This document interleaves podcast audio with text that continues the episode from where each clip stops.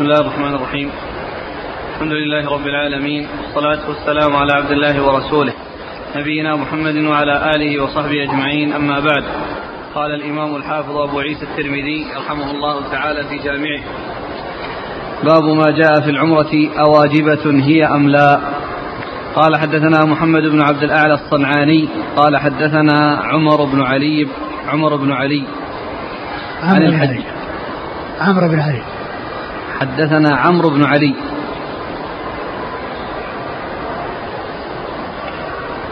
عندك عمر بن علي؟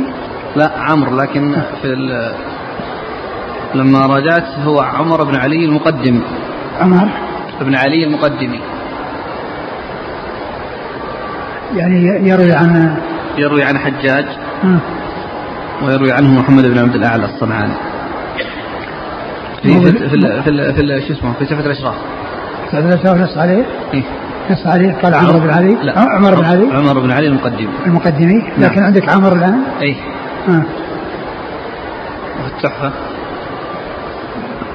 عمرو محمد محمد بن عبد الاعلى محمد بن عبد الاعلى الصنعاني آه.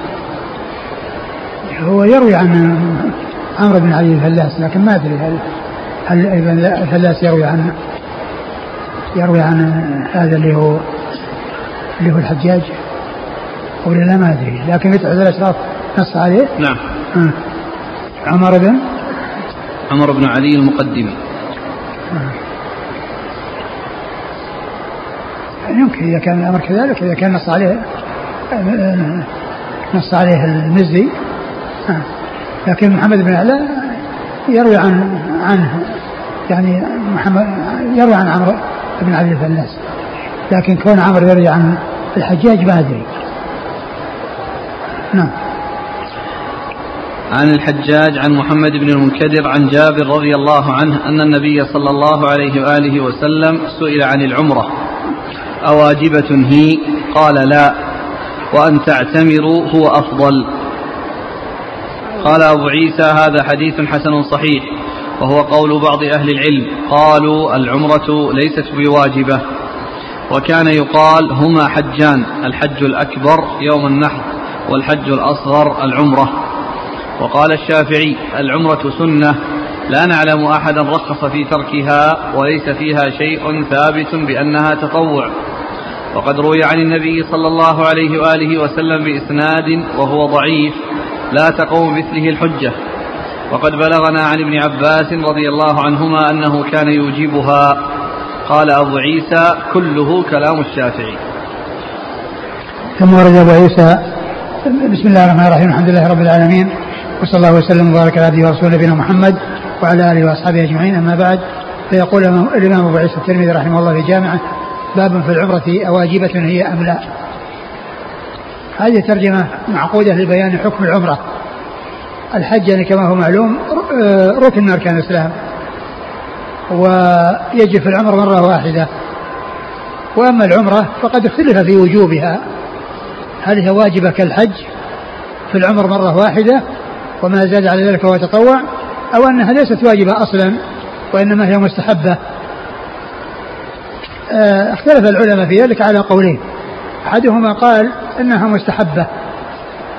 ويعني جاء أورد في أورد في أبو عيسى هذا الحديث الضعيف الذي قال عنه حسن صحيح وهو ضعيف. لأن فيه الحجاج بن أرطاة وبعض أهل العلم قال إنها واجبة. في العمر مرة واحدة. واستدلوا لذلك بأدلة منها أن الله عز وجل قرن بين الحج والعمرة في كتابه في قوله وآتم الحج والعمرة لله. وقال إن الصفا والمروة من شعائر الله فمن حج البيت أو اعتمر فلا جناح عليه يطوف بهما. وجاء في بعض روايات حديث جبريل وأن تحج وتعتمر. وجاء في حديث آخر سبق أن مر قريبا سأله رجل عن الحج عن أبيه فقال حج عن أبيك واعتمر. فيعني أمره بهذا وبهذا. وأيضا قالوا إن العمرة يقال لها حج وأنها حج أصغر. وقد جاء في بعض الروايات إطلاق الحج عليها كما جاء في الحديث الذي الصحيحين وفيه قصة أبي قتادة وذهابهم يعني آه، مع النبي صلى الله عليه وسلم وكانوا محرمين وهو ليس بمحرم وقصة الحمار الوحش الذي أجهز عليه. وفي ألفاظ أنه خرج حاجا خرج حاجا. والمقصود أنه المقصود ذلك العمرة وأنه خرج معتمرا فيطلق عليها أنها حج. فالحاصل أن بعض أهل العلم قال بوجوبها واستدلوا على ذلك بهذه الأدلة والقول بالوجوب هو هو الأقرب. القول بالوجوب هو الأقرب.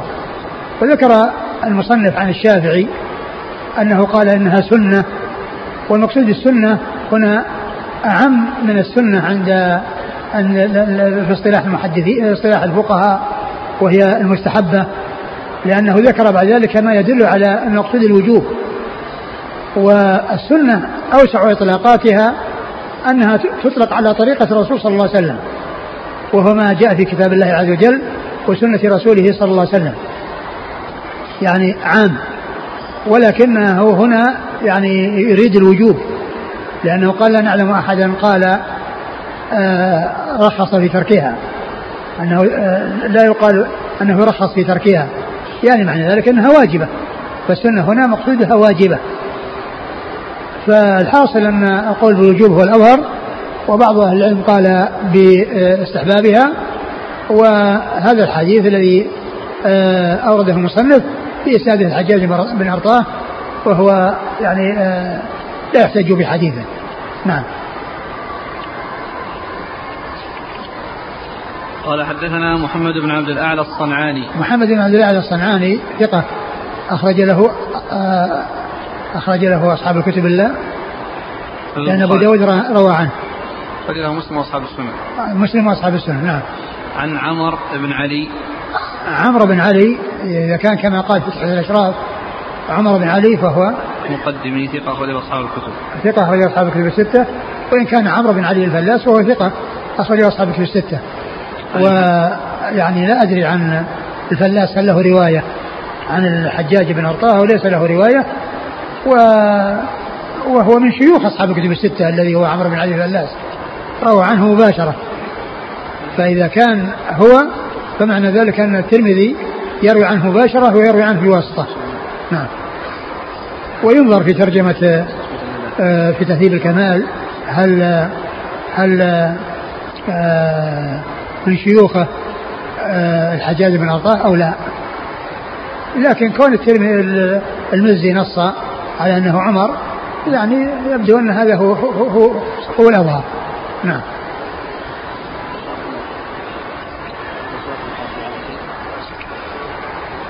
والحجاج بن أرطاه قال فيه صدوق كثير الخطأ والتدليس. كثير الخطأ والتدليس. أخرج حديثه. أصحاب الكتب. أصحاب الكتب. لا بن أرطاه لا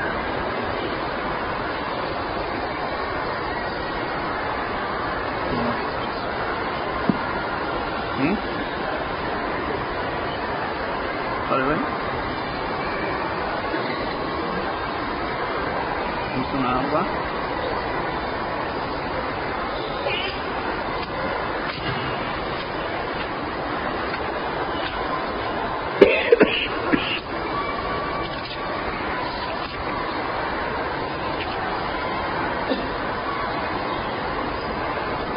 البخاري المفرد ومسلم وأصحاب السنة. البخاري في الذي المفرد ومسلم وأصحاب السنة. نعم عن المنكدر محمد بن المنكدر محمد بن المنكدر ثقة أخرجه أصحاب الكتب الستة. عن جابر عن جابر بن عبد الله رضي الله عنهما وهو أحد المكثرين من حديث رسول الله صلى الله عليه وسلم. والحديث فيه الحجاج من أرطاه ولو صح لكان يعني واضح الدلالة لكنه لم يصح. قال أبو عيسى وكان يقال هما حجان الحج الأكبر يوم النحر والحج الأصغر العمرة الحج الأكبر هو يوم الحج الأكبر. يعني يوم النحر يوم الحج الأكبر. وذلك لأن فيه أربعة من أعمال الحج. أربعة من أعمال الحج تكون فيه وهي الرمي والنحر والحلق والطواف. نعم. قال الشافعي العمرة سنة لا نعلم أحدا رخص في تركها وليس يعني قوله هنا سنة لا نعلم أحدا رخص في تركها؟ يعني ما هنا واجبة. قول لا نعلم أحدا رخص في تركها هذا شأن الواجب. نعم. وكأنه يعني على على على هذا يعني يعني يحكي الإجماع على هذا. ولا نعلم أحدا رخص في تركها. وهذا مما يؤيد القول آه، القول بالوجوب أو صحة القول بالوجوب كون الشافعي يقول لا نعلم أحدا رخص في تركها. وليس فيها شيء ثابت بأنها تطوع. يعني ليس هناك دليل على أنها تطوع. ورد في حديث ضعيف. نعم. وقد روي عن النبي صلى الله عليه وسلم بإسناد وهو ضعيف لا تقوم بمثله الحجة. يعني لعله يعني هذا الحديث. هذا الحديث الذي في الحجة المرطاة. يدل على أنها تطوع.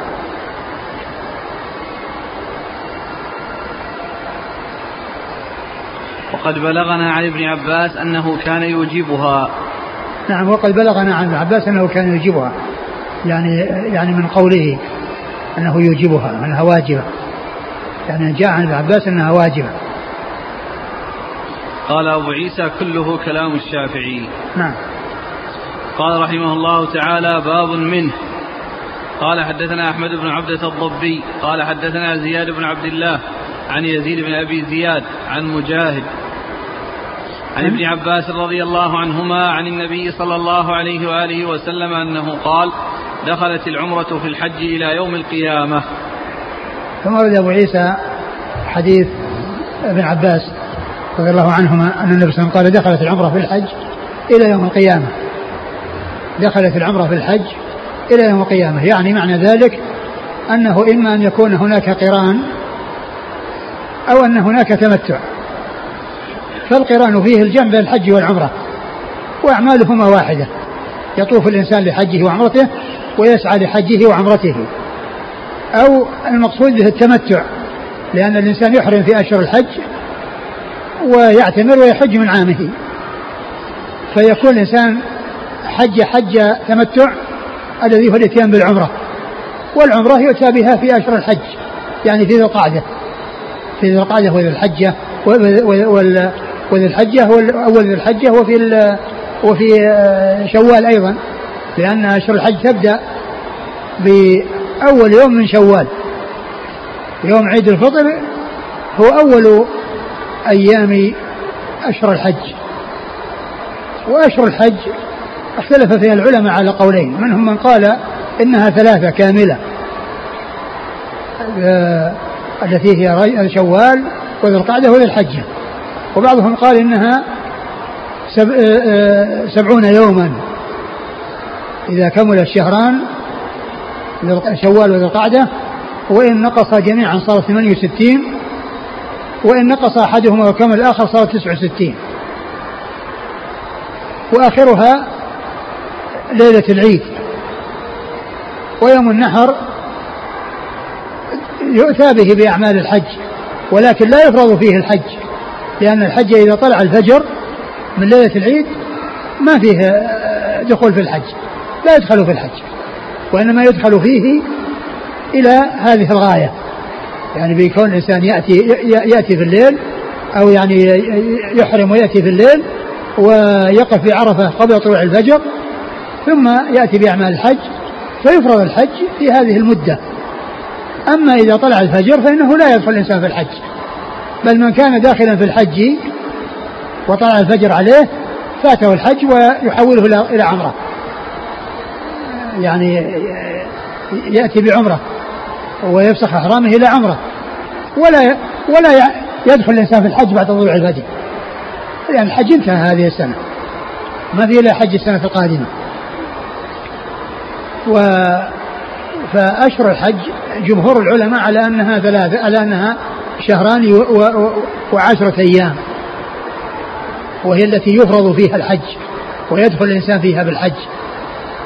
والقول الثاني يقول أنها يعني إلى نهاية شهر الحجة. إلى نهاية شهر الحجة.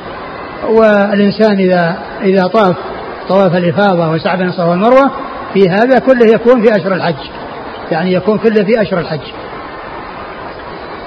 آه و فأشهر الحج يعني آه آه هذه الثلاثة إما كاملة وإما بعض الثالث والأشهر الحرم والأشهر الحرم يعني آه، أربعة التي هي رجب الفرد وثلاثة سرد التي هي ذي القعدة وذي الحجة والمحرم. وعلى هذا في الأشهر الأربعة المتوالية التي هي شوال وذي القعدة وذي الحجة والمحرم.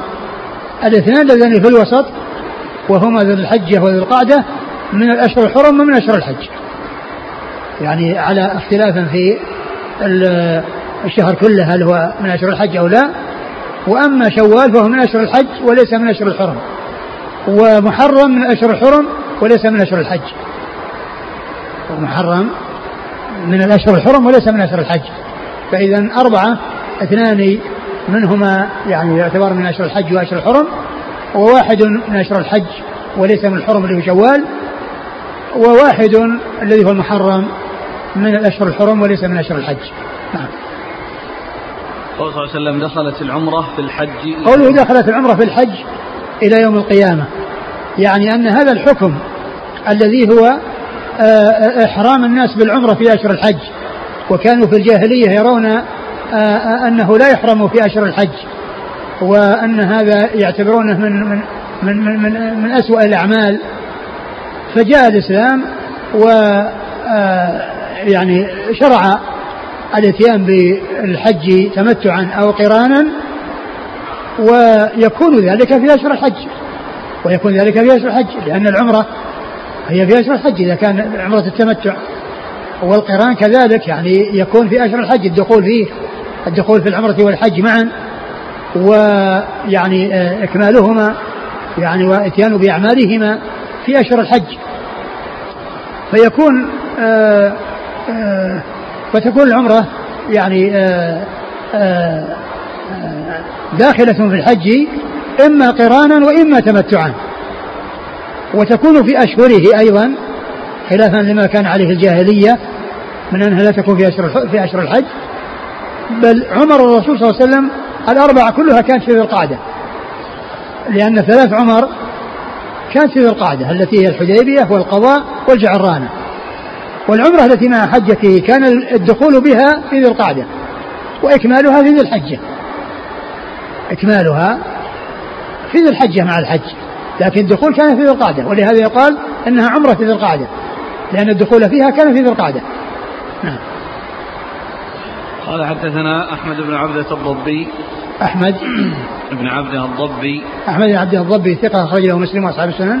نعم عن زياد بن عبد الله. عن زياد بن عبد الله وهو؟ صدوق خرج البخاري ومسلم والترمذي وابن ماجه. صدوق خرج البخاري والترمذي؟ البخاري ومسلم. البخاري ومسلم والترمذي وابن ماجه. عن يزيد بن أبي زياد. يزيد, يزيد بن أبي زياد وهو ضعيف. أخرج له؟ البخاري تعليقا ومسلم وأصحاب السنن. البخاري تعليقا ومسلم وأصحاب السنن. عن مجاهد.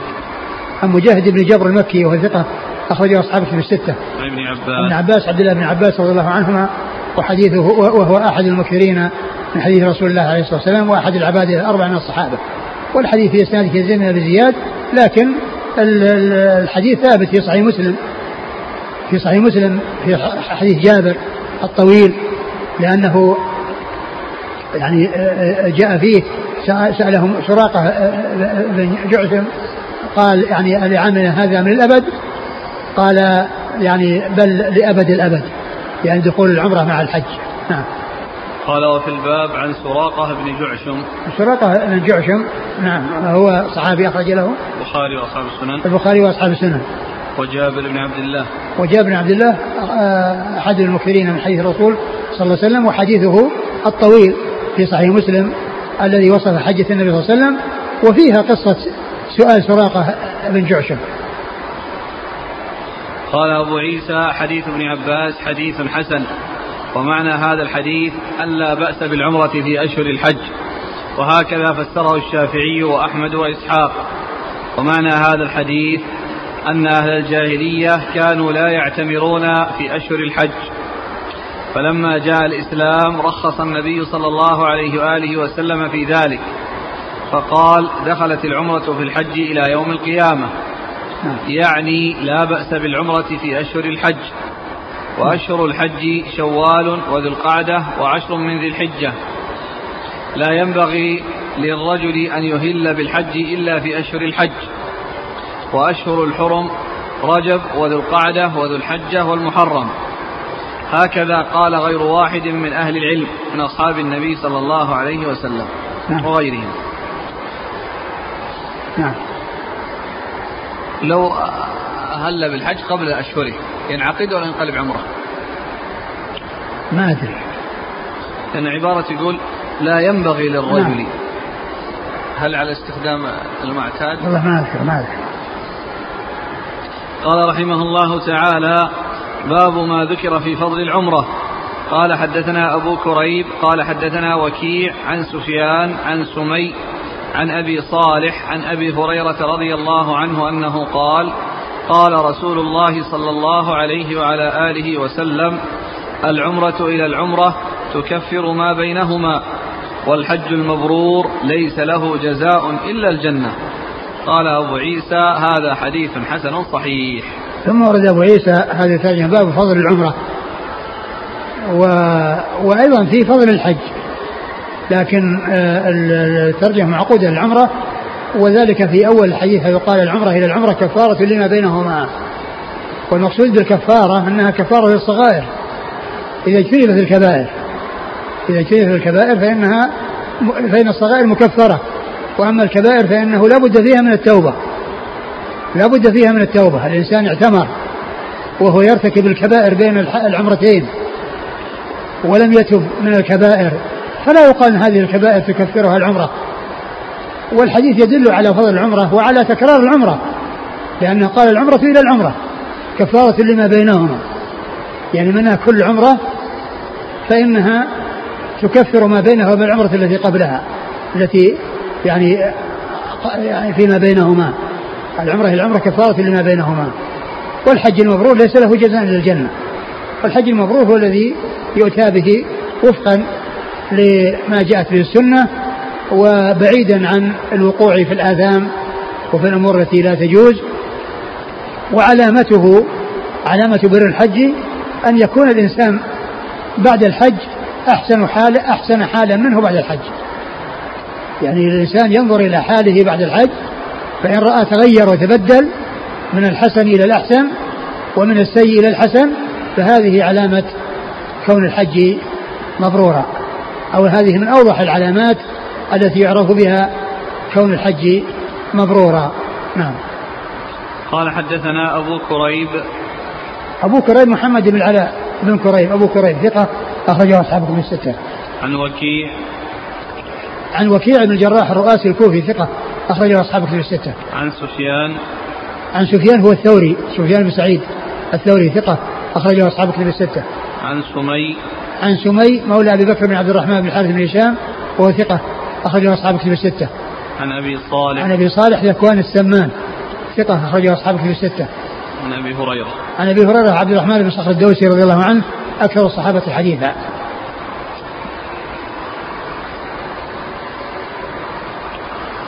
قال رحمه الله تعالى باب ما جاء في العمرة من التنعيم قال حدثنا يحيى بن موسى وابن أبي عمر قال حدثنا سفيان بن عيينة عن عمرو بن دينار عن عمرو بن أوس عن عبد الرحمن بن أبي بكر رضي الله عنهما أن النبي صلى الله عليه وآله وسلم أمر عبد الرحمن بن أبي بكر أن يعمر عائشة رضي الله عنها من التنعيم. قال أبو عيسى هذا حديث حسن صحيح. ثم ورد أبو عيسى باب العمرة من التنعيم. والتنعيم هو في أدنى الحل من جهة المدينة. وليس المقصود القصر على التنعيم ولكن لكونه جاء في الحديث أن النبي أمر عبد الرحمن يعمرها من التنعيم. وإلا فإن المقصود الحل بالنسبة لأهل مكة ما كان في مكة فإنه لا يحرم بالعمرة منها وإنما يحرم من خارج الحرم. ليجمع بين الحل والحرام ليجمع في ذلك بين الحل والحرام والحج يجمع فيه بين الحل والحرم لأن الناس يذهبون إلى عرفات وعرفات من الحل. والعمرة يجمع فيها بين الحل والحرم فيخرج أهل مكة منها لخارج الحرم ويحرمون من خارج الحرم ويأتون للعمرة ويأتون بالعمرة. آه أبو عيسى أورد حديث عبد الرحمن بن أبي بكر رضي الله تعالى عنهما أن النبي صلى الله عليه وسلم أمره بأن يعمر عائشة من التنعيم يعني أن يذهب بها, يذهب بها للعمرة من التنعيم وكان ذلك في ليلة الرابع عشر من شهر ذي الحجة لما نزلوا من منى في اليوم الثالث عشر وجاء الليل أمر عبد الرحمن وكانت ألحت عليه بأن تأتي بعمرة. والنبي صلى الله عليه وسلم قال لها يكفيك طوافك وسعيك لحجك وعمرتك.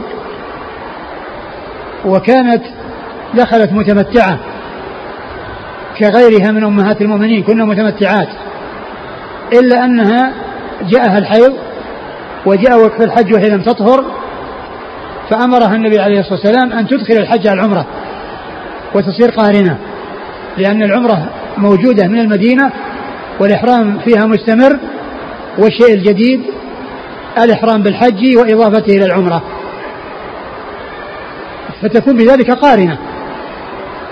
لأنها ما تمكنت من أداء العمرة قبل الحج لأن الحج وصل وذهب الناس إلى عرفة وهي يعني الحيض موجود معها. فلما رأت أنها ما حصل منها طواف واحد وسعي واحد وأمهات المؤمنين كل واحدة حصل لها طوافان وسعيان. طواف وسعي للعمرة مستقل وطواف وسعي للحج مستقل. أرادت أن يكون عندها طوافان وسعيان. فطلبت من النبي صلى الله عليه وسلم أن تعتمر ف يعني ألحت عليه فأذن لها وأرسلها إلى التنعيم. والرسول صلى الله عليه وسلم وأصحابه كانوا جالسين بالأبطح.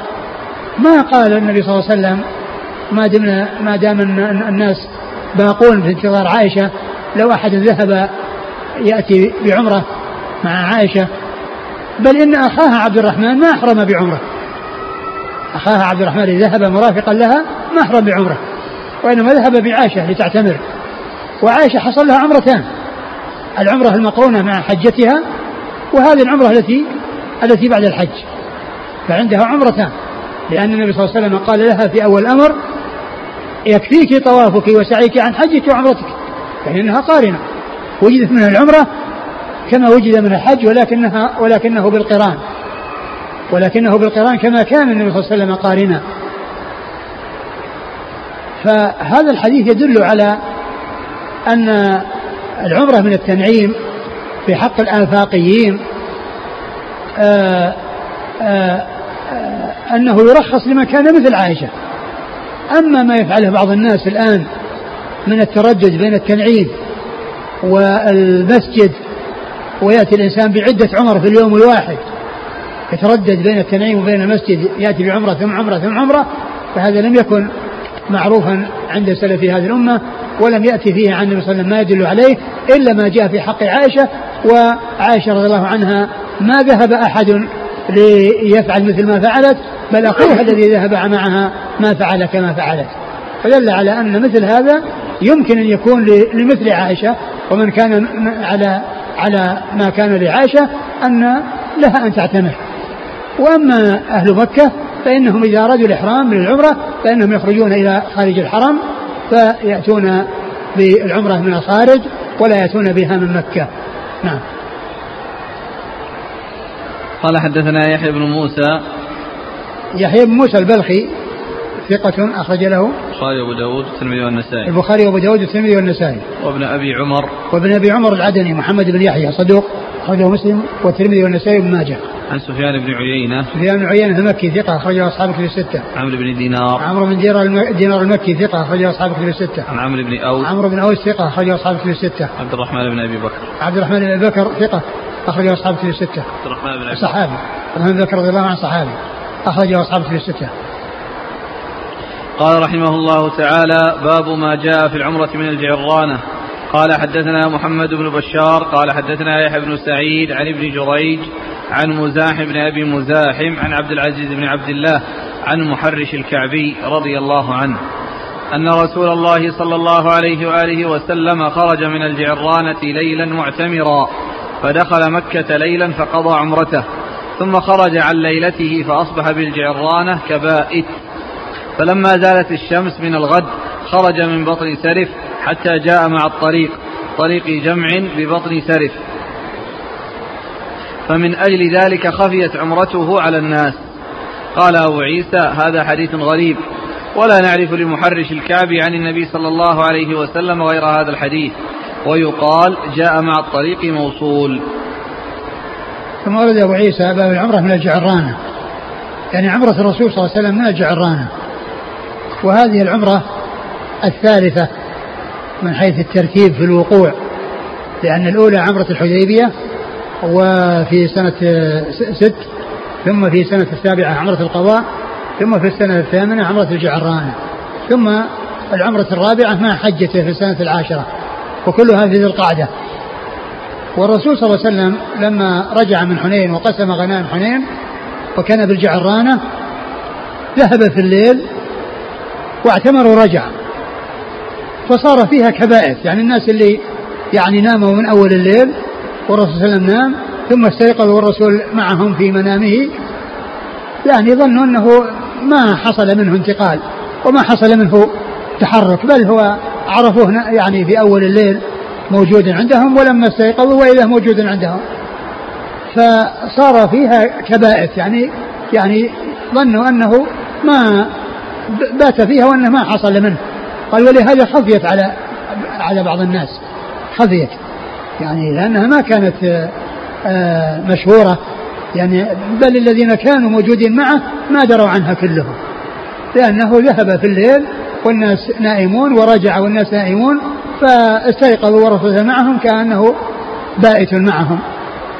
ولهذا خفيت على الناس. ثم إنه لما زالت الشمس يعني من, من يوم الغد ذهب يعني إلى المدينة.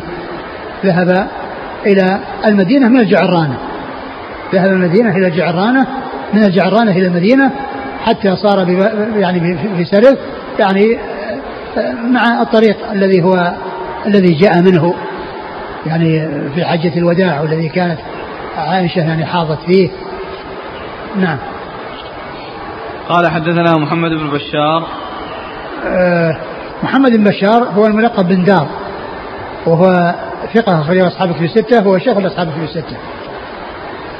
عن يحيى بن سعيد. يحيى بن سعيد القطان ثقة أخرجه أصحاب في الستة. عن ابن جريج. عن ابن جريج عبد الملك بن عبد العزيز بن جريج ثقة أخرجه أصحاب في الستة. عن مزاحم بن أبي مزاحم. مزاحم بن أبي مزاحم مقبول أخرج له أبو داود والترمذي والنسائي. أبو داود والترمذي والنسائي. عن عبد العزيز بن عبد الله. عن عبد العزيز بن عبد الله وهو ثقة أخرج أبو داود والترمذي والنسائي. ثقة أخرج أبو داود والترمذي والنسائي. عن محرش رضي الله عنه أخرج له أبو داود والترمذي والنسائي. أبو داود والترمذي والنسائي. والحديث في إسناده آه، مزاحم ابن أبي مزاحم وقد قال عنه الحافظ في التقريب مقبول ولكن آه، وثقه ابن حبان وكذلك وثقه الذهبي في الكاشف. وقد روى عن جماعة وروى عنه جماعة.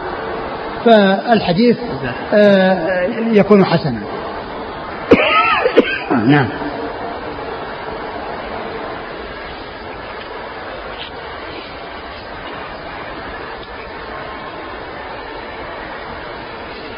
يقول حتى جاء مع الطريق طريق جمع ببطن سرف يعني كان التقى مع الطريق الذي الذي يعني ببطن سرف يعني الطريق الذي كان كان يعني يكون داخل مكة هو جاء من من جهة الجعرانة. يعني طريق جمع طريق الجماعة أو اسم هذا؟ ما أدري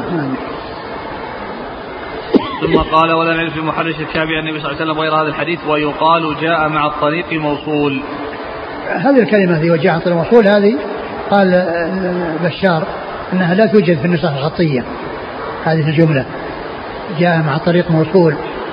ف ما أدري إيش المقصود بكلمة موصول. وأما جاء مع الطريق يعني نفس الكلام اللي قال جاء مع الطريق في جمع آه، أو إيش؟ طريق جمع ببطن سرف جاء مع الطريق اللي في المتن. أي. خرج من بطن سرف حتى جاء مع الطريق طريق جمع ببطن سرف. حتى جاء مع الطريق. وهنا قال ويقال جاء مع الطريق موصول. موصول. نعم. إيه هالجملة ذي ما أعرف معناها كلمة موصول هذه.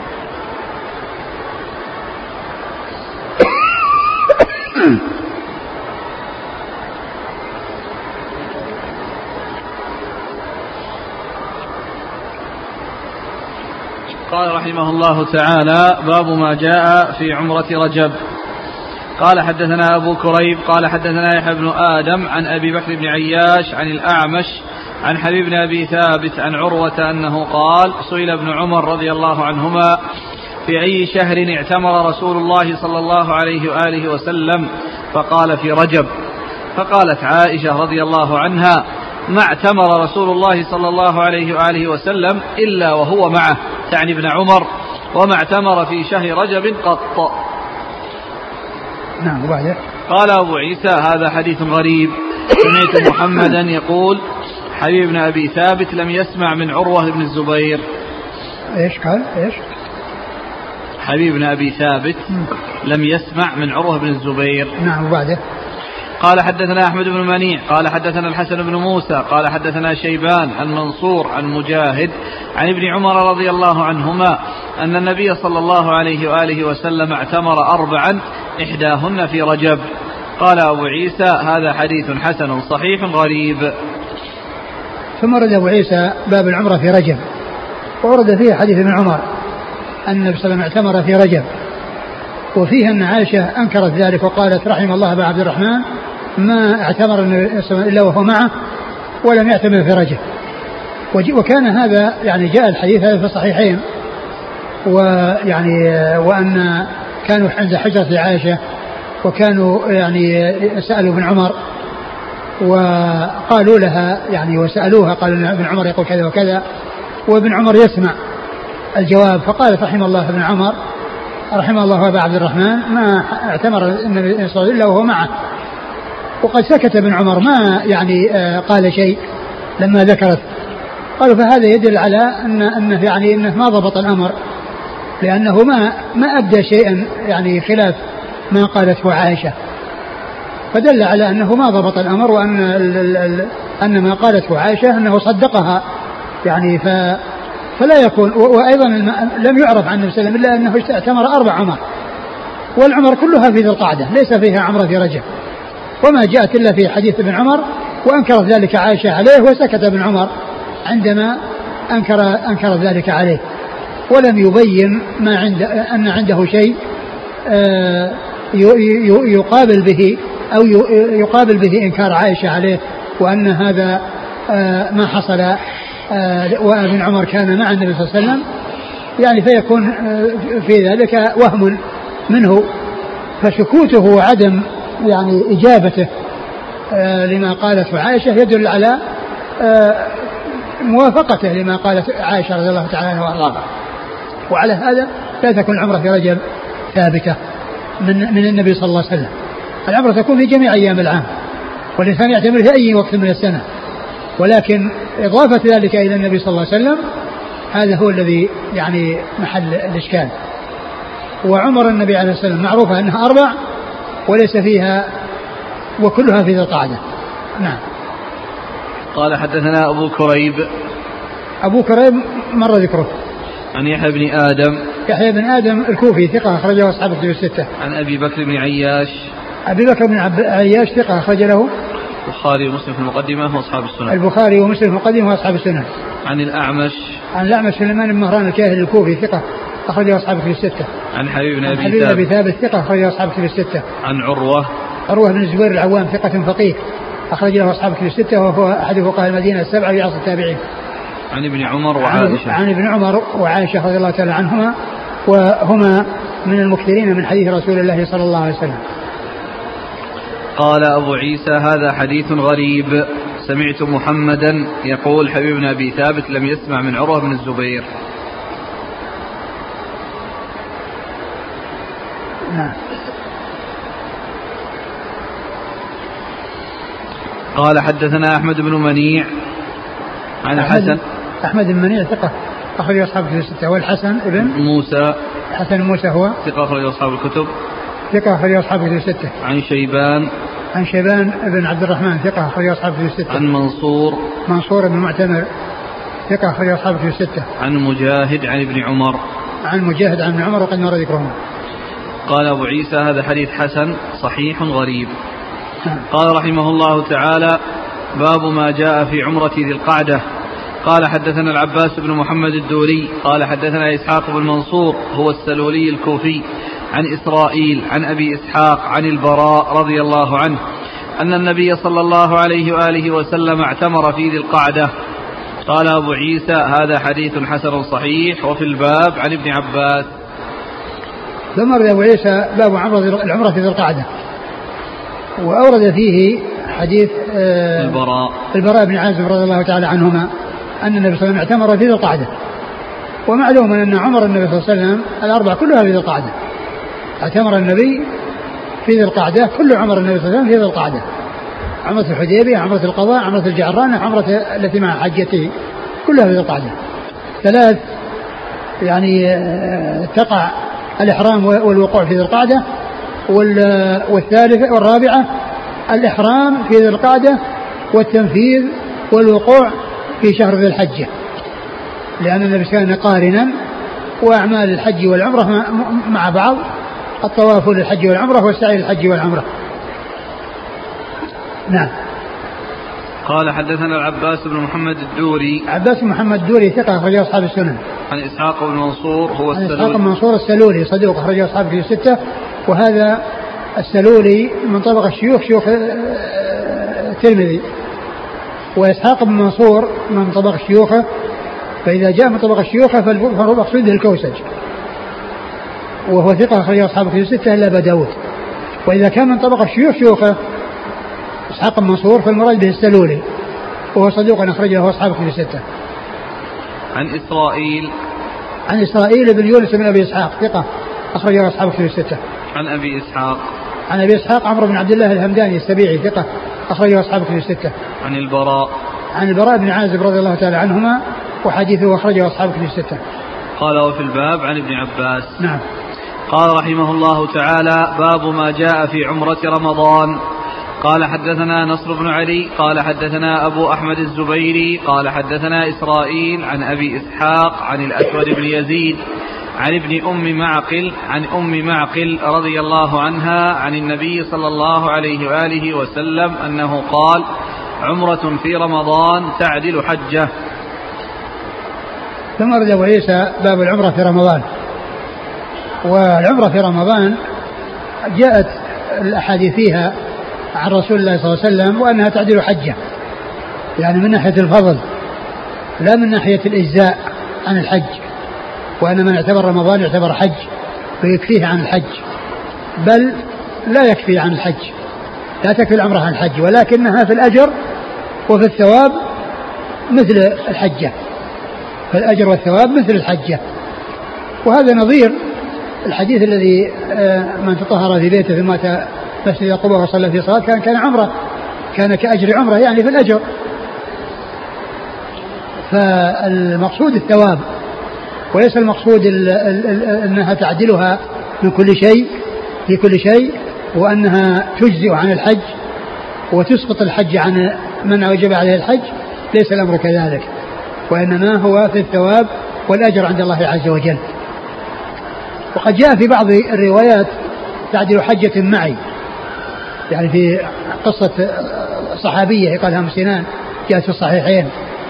ولكن هي في الصحيحين يعني في شك في الشك يعني حجة أو حجة معي في البخاري وفي مسلم.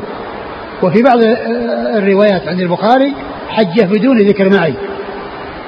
وقد قال يعني سعيد بن جبير كما في تفسير ابن كثير أن هذا من خصائصها يعني معناه لو يعني قضية معي فإنها من خصائص تلك المرأة التي سألها الرسول يعني عن الحج وقالت أن فلان يعني هو زوجها لأن الحديث له قصة يعني كان لهما ناضحان فحج على ناضح وبقي يعني ناضح لزرعهم و فالرسول صلى الله عليه وسلم قال لها عمرة في رمضان تعدل حجة أو حجة معي مع الشك.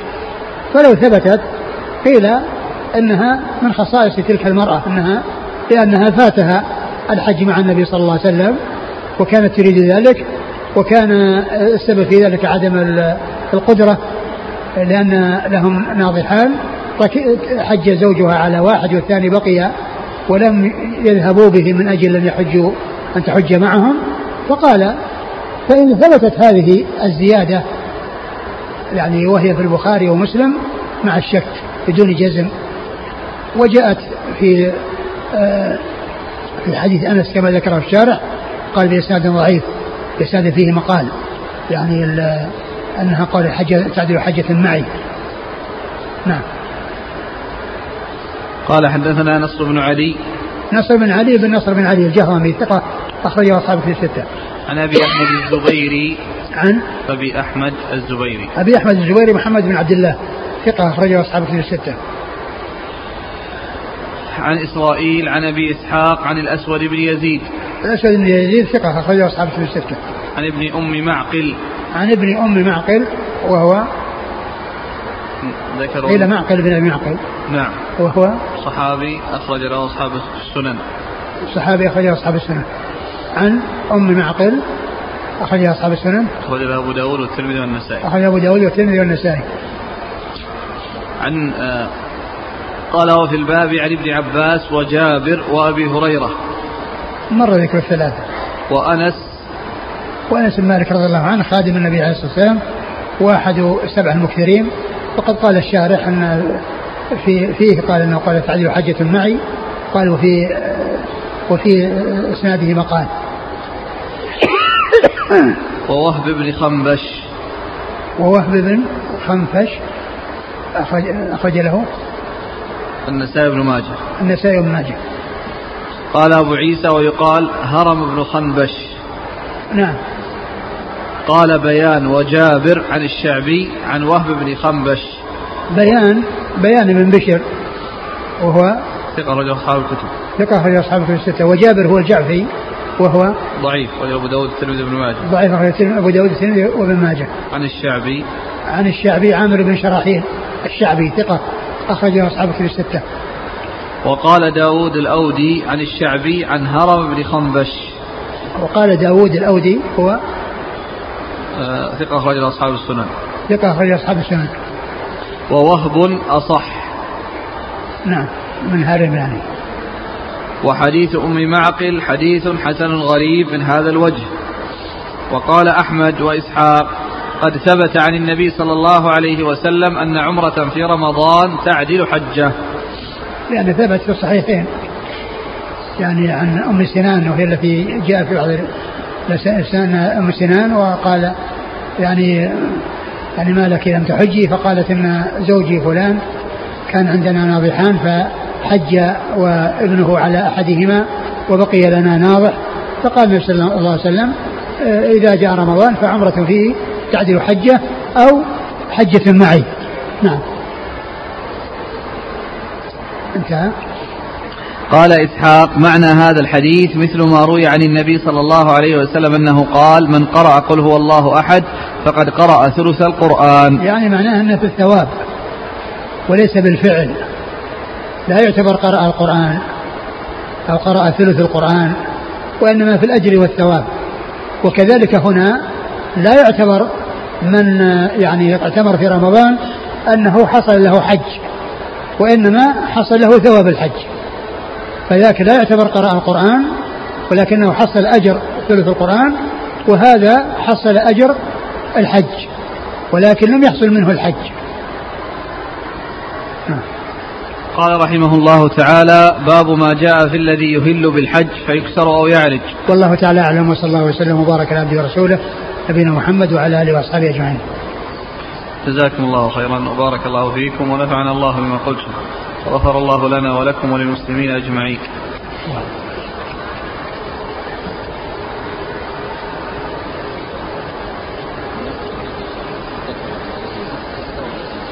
ها؟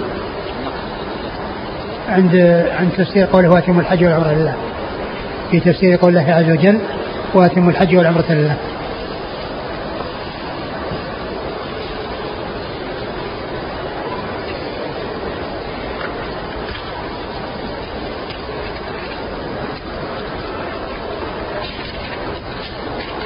بالأمس باب ما جاء متى تقطع التلبية في العمرة. إيش؟ باب متى تقطع التلبية في العمرة. نعم.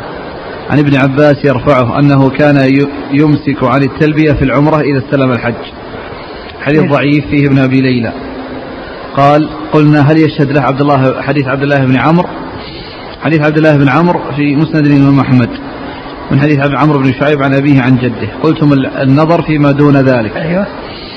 آه في الإسناد الحجاج بن أرطاه. أيه. يروي عن عمرو بن شعيب؟ أي. خلاص يعني ما دام في الحجاج بن أرطاه فهو ضعيف. مع أن الشيخ أحمد شاكر صححه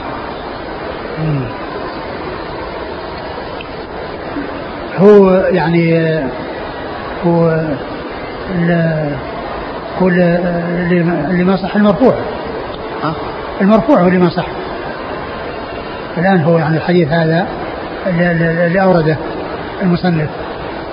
إيش إيش لفظه؟ عن ابن عباس يرفع الحديث هذا هو. أنه كان يمسك عن التلبيه في العمرة إذا استلم الحج الحج يعني الرسول صلى الله عليه وسلم. اي اي نعم. ولكنه يعني هو جاء عن ابن عباس. موقوف. السؤال على كلام حديث عبد الله بن عمرو. قلنا إذا كان له شاهد إيه. هل يقويه؟ صحيح نعم. لا يعني ما دام فيه الحجاج من الطاف فهو ضعيف. وهذا إيش في اسناده اللي ذكره المصنف؟ اللي عندنا هنا إيه؟ ابن أبي ليلى إيه ابن أبي ليلى ما أدري يعني قضية كان أحمد شاكر يعني صححه يعني بضم يعني بعضهم إلى بعض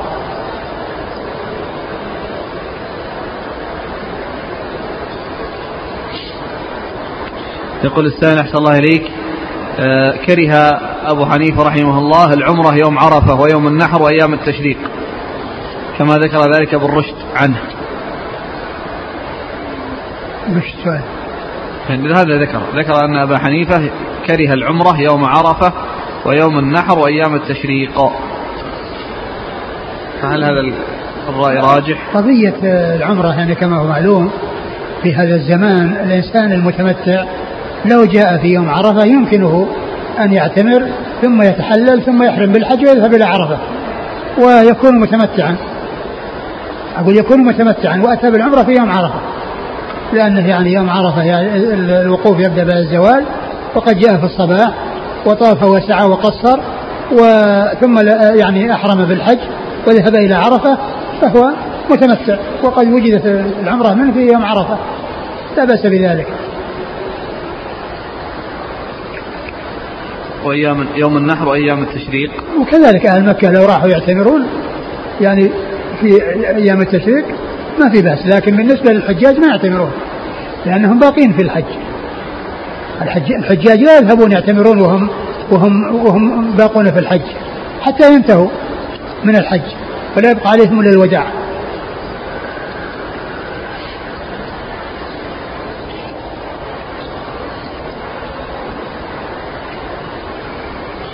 يقول آه، السائل لماذا لم يقل النبي صلى الله عليه وسلم إن هذه العمرة خاصة بعائشة؟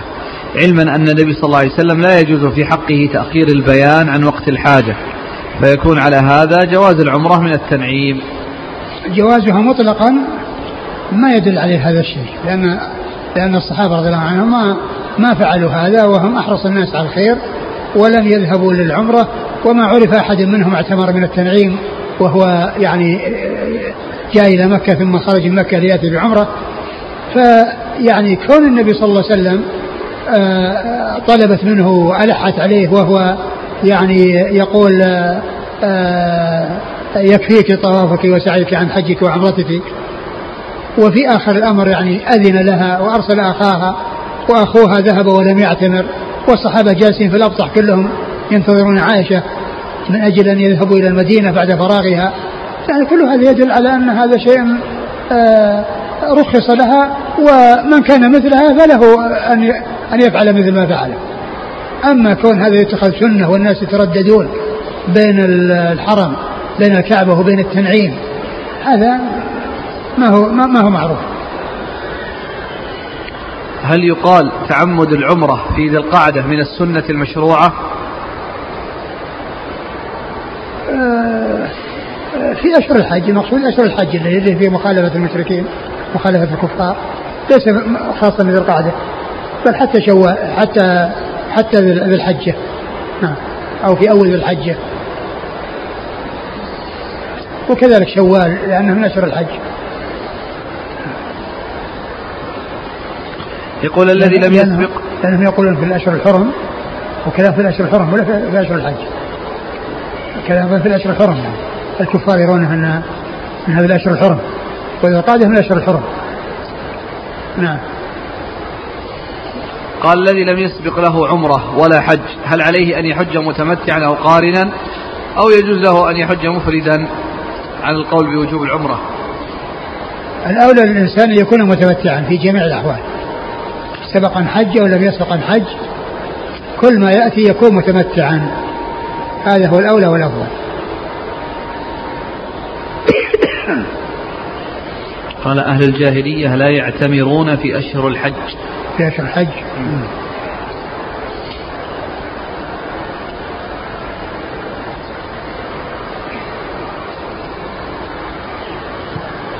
من جاء من الآفاقيين بعمرة فجلس بمكة وأراد أن يأتي بعمرة عن أمة عن أمه أو أبيه. فهل له الذهاب؟ إلى التنعيم والإحرام بها باعتبار أنه أقام أكثر من أربعة أيام فأصبح من مقيما في مكة. له حكم أهل مكة. لا لا لا يكون الأمر كذلك. لا يكون الأمر كذلك. وإنما يعني من أراد أن يأتي بعمرة يأتي بها من المواقيت. لأن النبي صلى الله عليه وسلم مثل ما قال ابن القيم عمر النبي صلى الله عليه وسلم كلها وهو داخل مكة. ليس فيها عمرة وهو خارج من مكة ليأتي بعمرة.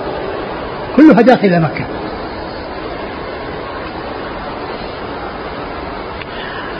من جاء إلى مكة معتمرا في أشهر الحج ثم خرج منها إلى بلده فعاد بعد ذلك للحج. هل يجوز له أن يؤدي الحج على أنه متمتع أم أن شرط التمتع البقاء في مكة حتى يأتي الحج؟ لا ليس شرط البقاء في مكة ولكن الإنسان إذا رجع إلى بلده انقطع تمتعه. إذا رجع إلى بلده أتى بعمرة في أشهر الحج ورجع إلى بلده انقطع تمتعه. فإذا أراد أن يتمتع يأتي بعمرة ثانية. أما إذا جاء من بلده للحج واستمرت رحلته ولكنه ما بقي في مكة خرج إلى المدينة مثلا. جاء من بلده وطاف وسعى وقصر وتحلل ثم جاء المدينة. فهو لا يزال في سفر الحج من بلده. سفر الحج قائمة. فمثل هذا لا يقال انقطع تمتعه نعم نعم.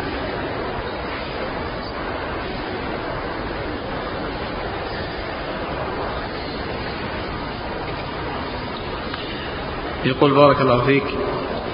آه كيف روى الإمام مسلم رحمه الله عن من عن مثل الحجاج وغيره مع كونه ضعيفا؟ فلم أفهم هذا فهل يوجد في صحيح مسلم رواة ضعفاء؟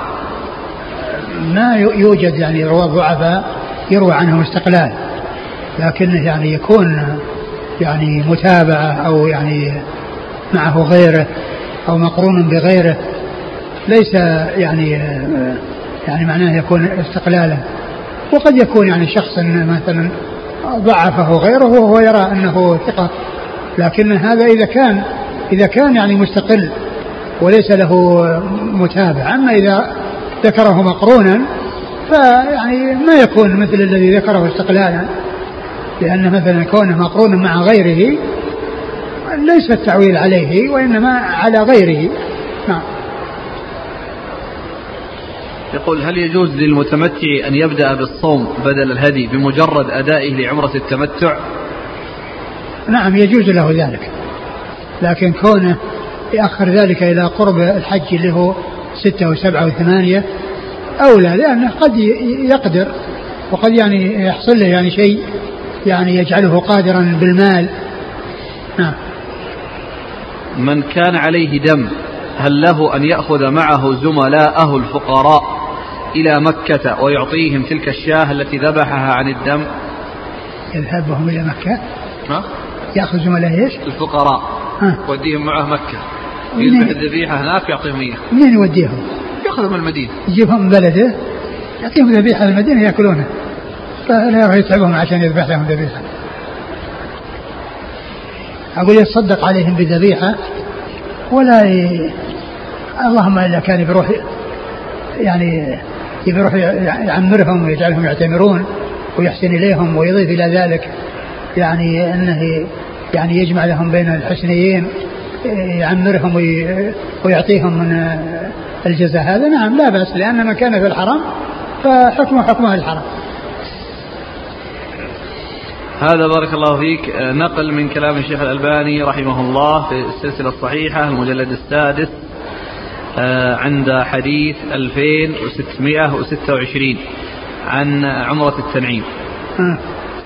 قال رحمه الله تعالى تبين من خلال ما ذكرنا من هذه الروايات وكلها صحيحة أن النبي صلى الله عليه وسلم إنما أمرها بالعمرة عقب الحج بديل ما فاتها من عمرة التمتع بسبب حيضها. ولذلك قال العلماء في تفسير قوله صلى الله عليه وسلم المتقدم هذا مكان عمرتك. أي العمرة المنفردة التي حصل لغيرها التحلل منها بمكة ثم أنشأ الحج مفردا. إذا ظهر لك جليا أن هذه العمرة خاصة بالحائض التي لم تتمكن من إتمام عمرة الحج. فلا تشرع لغيرها من النساء الطاهرات فضلا عن الرجال عن الرجال. ومن هنا يظهر سر إعراض إعراض السلف عنها وتصريح بعضهم بكراهتها. بل إن عائشة نفسها لم يصح عنها العمل بها فقد كانت إذا حجت تمكث إلى أن يهل المحرم ثم تخرج إلى الجحفة فتحرم منها بعمرة. كما في مجموع الفتاوى لابن تيمية. 26 صفحة 92 وقال ابن تيمية في الاختيارات العلمية يكره الخروج من مكة لعمرة تطوع وذلك بدعة. ولم يفعله النبي صلى الله عليه وسلم ولا أصحابه على عهده لا في رمضان ولا في غيره. ولم يأمر عائشة بها بل أذن لها بعد المراجعة تطيبا لقلبها وطوفه بالبيت أفضل من الخروج اتفاقا. ويخرج عند من لم ويخرج عند من لم يكرهه على سبيل الجواز. إيش إيش؟ ويخرج عند من لم يكرهه على سبيل الجواز. ثم قال ولهذا كان السلف والأئمة ينهون ويش ويخرج؟ لا ويخرج عند من لم يكرهه على سبيل الجواز. ظهره ويخرج يعني هذا الذي دخل مكة وأدى عمرته. ويخرج إلى الحل عند من لم يكرهه على سبيل الجواز. لأنه قال وطوافه بالبيت أفضل من الخروج اتفاقا. أي نعم. الذي أف... ويخرج عند من لم يكرهه على سبيل الجواز. يعني لا على سبيل الاستحباب. نعم. ثم قال في مجموع الفتاوى ولها أقول الناس إذا عرفوا يعني أن في هذا ولو كان على طريق الجواز. ولهذا كان السلف والأئمة ينهون عن ذلك فروي فروى سعيد بن منصور في سننه عن طاووس أجل أصحاب ابن عباس قال الذين يعتمرون من التنعيم ما أدري أيؤجرون عليها أم يعذبون؟ من يقوله يقول طاووس أجل أصحاب ابن عباس. نعم. كما ذكره سعيد المنصور في سننه. الذين يعتمرون من التنعيم ما أدري أيؤجرون عليها أم يعذبون؟ قيل فلم يعذبون؟ قال لأنه يدع الطواف بالبيت ويخرج إلى أربعة أميال ويجيء وإلى أن يجيء من أربعة أميال يكون قد طاف مئتي طوفة. وكلما طاف بالبيت كان أفضل من أن يمشي في غير شيء. وأقره الإمام أحمد.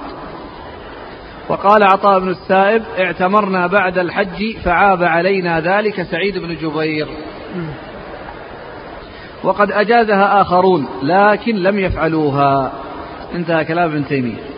قال ابن القيم في الزاد ولم يكن صلى الله عليه وسلم في عمره في عمرة واحدة خارجا من مكة كما يفعل كثير من الناس اليوم وإنما كانت عمره كلها داخلا إلى مكة. وقد أقام بعد وقد أقام بعد الوحي بمكة ثلاثة, ثلاثة عشر سنة لم ينقل عنه أنه اعتمر خارجا من مكة في تلك المدة أصلا ثلاثة عشرة سنة ثلاثة عشرة أي نعم. سنة نعم. ثلاثة عشر موجود ولا ثلاثة عشر؟ لا ثلاثة عشر المكتوب هنا الموجود عشر ها؟ المكتوب في الورقة عشر ثلاثة عشر أي سنة ولا عاما؟ ها؟ عاما ولا سنة؟ سنة كان عاما ما في إشكال أي لا سنة ما نعم ولم يفعل هذه ولم يفعل هذه أو ولم تفعل هذه على عهده أو لم يفعل هذه على عهد أحد قط إلا عائشة. وحدها من بين سائر من كان معه. ثم قال الألباني بعد ذلك ومن تأمل تجلى يقينا أنه ليس في تشريع عام لكل الحجاج ولو كان كما توهم الحافظ لبادر إلى هذا الصحابة. الإتيان بعمرة في حجته صلى الله عليه وسلم وبعدها فعدم تعبدهم بها مع كراهة من نص على كراهتها من السلف كما تقدم لأكبر دليل على عدم شرعيتها. اللهم إلا من أصابها ما أصاب السيدة عائشة رضي الله عنها من المانع من إتمام عمرتها. والله ولي التوفيق. نعم. هذا 2626 ها المجلد السادس. 2600 2600 2626 و26 إيه. هذا النقل الذي نقله عن طاووس يعني نقلا جيدا. يعني هذا أظنها أظن ذكر في في سبل السلام عن المحب الطبري. نفس المقولة ذي؟ اي هذه اللي قالوا يعاقبون أو يثابون. شكر الله لكم. سبحانك اللهم وبحمدك أشهد أن لا إله إلا أنت أستغفرك وأتوب إليك.